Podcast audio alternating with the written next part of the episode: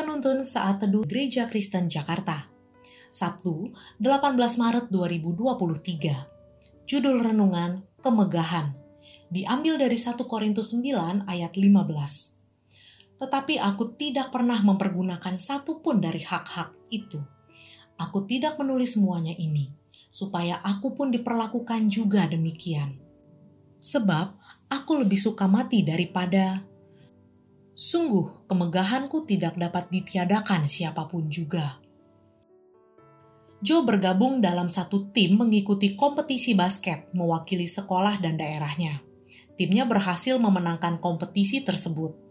Dia menyadari dan merenungkan lebih dalam dan berkata kepada dirinya bahwa kehebatan dan kemenangan bukanlah dirinya.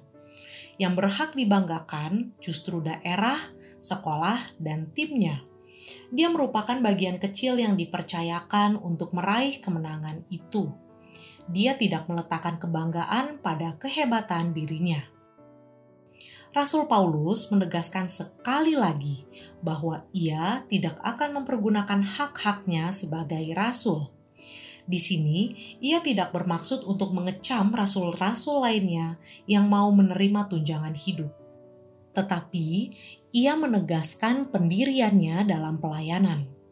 Baginya, bekerja keras dalam pelayanan dan memenuhi kebutuhan hidup adalah hal yang wajar dan sudah menjadi kebiasaannya.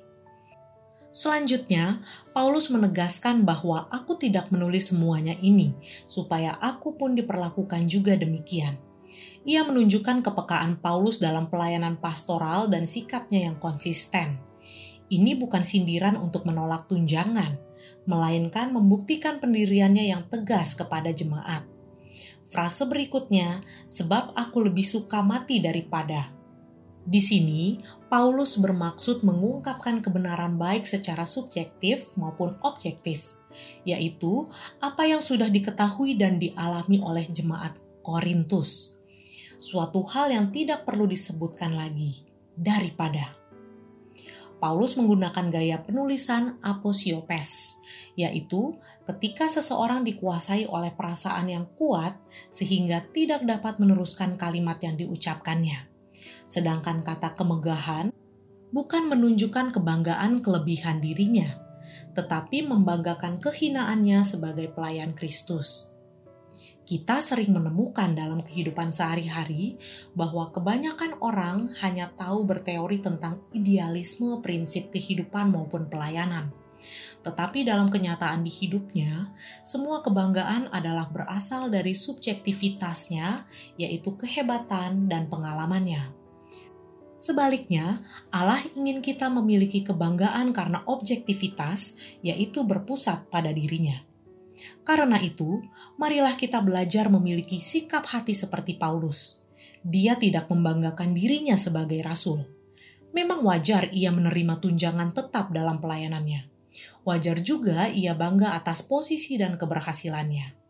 Namun ia lebih puas dan berbahagia untuk bekerja keras membuat kemah untuk mencukupi biaya hidupnya dan bangga sebagai rasul yang dapat menderita dalam pengabaran Injil kebanggaan keberhasilan akan menjadi awal kehancuran kalau itu merupakan kesombongan. Kiranya Allah memampukan kita.